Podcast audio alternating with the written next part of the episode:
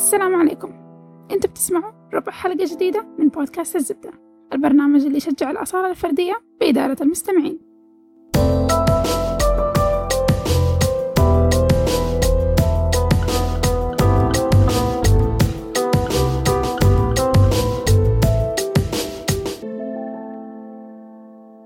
السلام عليكم. أنا محمد واليوم أنا مزكم. وأنا فاطمة واليوم أسجل من مكاني الأول البيت. وبذكر البيت المكان الأول. لما بدأنا بودكاست الزبدة قبل ثلاث سنين كان أول هدف لنا من إنشاء البرنامج هو خلق مساحة آمنة للضيوف وللمستمعين عشان نكون مكانهم الثالث. اللي يحسوا فيه بالأمان زي مكانهم الأول اللي هو بيوتهم.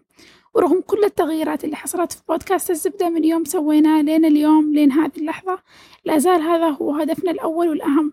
لأن بالنسبة لنا هذه المساحة الآمنة هي أكثر مساحة يقدر الشخص يحس فيها بالأصالة يقدر يتصرف فيها على طبيعته ويقدر كمان يعطي فيها أفضل ما عنده. وبالنسبة لي من يوم بدأنا الزبدة لين اليوم صارت زبدة هو مكاني الثالث كمان.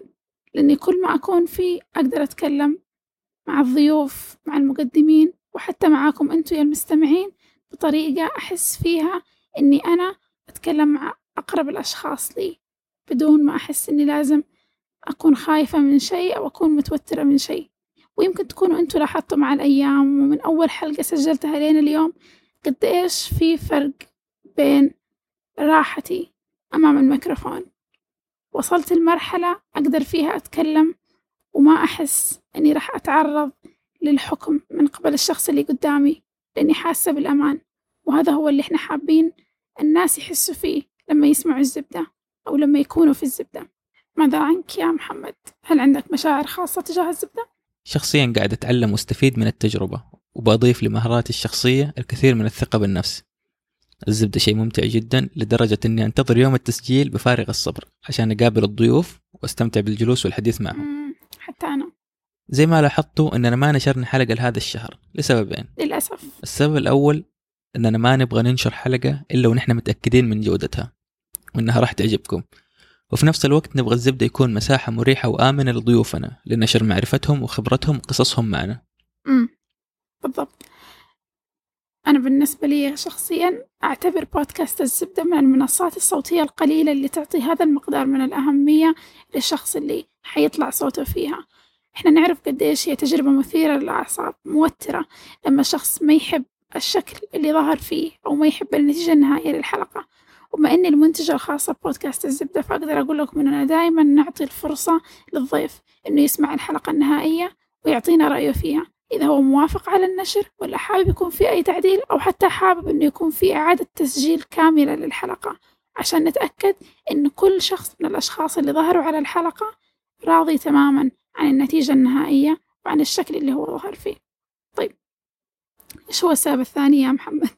السبب الثاني والأهم أننا كنا نسوي شيء ثاني. يس زي ما سمعتوا في آخر حلقة مع جميع أفراد عائلة الزبدة خيرة وفاطمة وعبد الله. وأنا محمد آخر إضافة أن التطور هو السبيل الوحيد للبقاء. الزبدة كمان تطور. وقعنا مع معلن شريك لنا في نجاحنا. يس طبعا المعلن أقدم على هذه الخطوة بسبب أن عدد المستمعين عندنا وصل إلى حوالي 230 ألف استماع من بداية البودكاست. يعني بمعدل حوالي عشرة آلاف استماع لكل حلقة في الفترة الماضية. شكرا جزيلا على كافة الاستماعات. أنتم الشركاء الحقيقيين لنجاح الزبدة. صحيح. شكرا لكل شخص بدأ يستمع للزبدة من يوم بدأ وشكرا لكل شخص لين الآن يستمع للزبدة وأكيد شكرا لكل شخص حيستمر بالاستماع لبودكاست الزبدة ودعمنا. وزي ما نقول دائما بودكاست الزبدة هو بودكاست للمستمعين من المستمعين. اقترحوا مواضيع حابين نناقشها سوا واقترحوا ضيوف نسجل معاهم. والطريقة سهلة جدا. أكيد. وهي إنكم تدخلوا على صفحتنا في موقع وتطبيق تريلو اللي حتلاقوا فيها مو بس الحلقات اللي إحنا شغالين عليها والحلقات اللي حتكون جاية في المستقبل لكن كمان تقدروا تقترحوا لنا أفكار لحلقات قادمة أو حتى ضيوف حابين تسمعوهم معنا في البرنامج. ادخلوا على صفحتنا في برنامج تريلو وراح تلاقوا طريقة تنظيم الحلقات وكلنا موجودين هناك وراح نساعدكم في كل خطوة من خطوات تنظيم الحلقة.